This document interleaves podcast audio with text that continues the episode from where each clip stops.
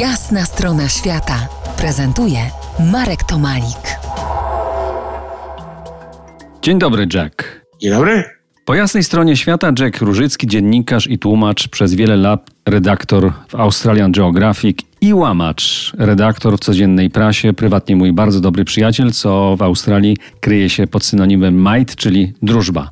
Jack, Jacko, do Australii zawędrowałeś ponad 60 lat temu. Pamiętasz jeszcze z twojego miasta, Warszawy, późnych lat 60. coś? Co pamiętasz? Lat 50. to było, bo wyjechałem w grudniu 59 roku. Co pamiętam? No, pamiętam wszystko w Technikolorze. Nie tylko pamiętałem, ale Warszawa się przez wiele lat śniła. Także jak szedłem spać, to, to byłem w Warszawie. Jak się obudziłem, to byłem w Sydney. Także Warszawa jest dalej w moim sercu i duszy. Trudno uwierzyć, jak powiedziałeś, 60 lat temu. Ja także mieszkałem tam raz do 12 roku życia. Jesteś w Australii, w Sydney. Miałeś wtedy kilkanaście lat. Twój ojciec zdecydował, że wychowasz się w środowisku australijskim. Jakie implikacje miał ten wybór? No tata był troszeczkę taki niekonwencjonalnym facetem i postanowił mnie i siebie, no i mamę też, ale mnie usadzić w australijskim środowisku. Patrząc wstecz, to była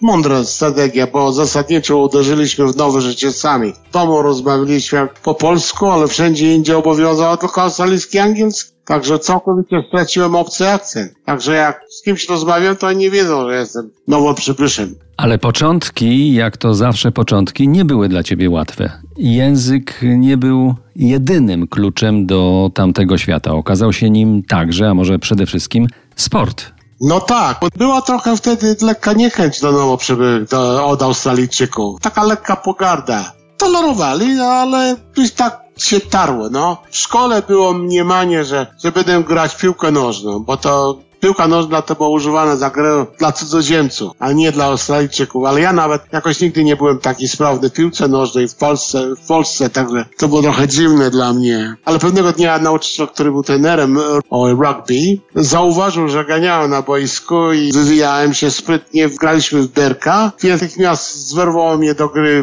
w rugby, na której się zupełnie nie znałem. To trener mi mówi, no worries, my cię nauczymy.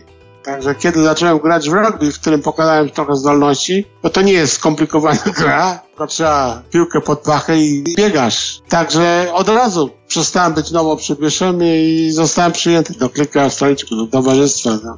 Za kilkanaście minut wrócimy na antypody do Sydney. Dowiemy się, jak wtedy, w latach 60. XX wieku, wyglądał tam świat i jakie fermentacje społeczne miały tam miejsce. Zostańcie z nami po jasnej stronie świata.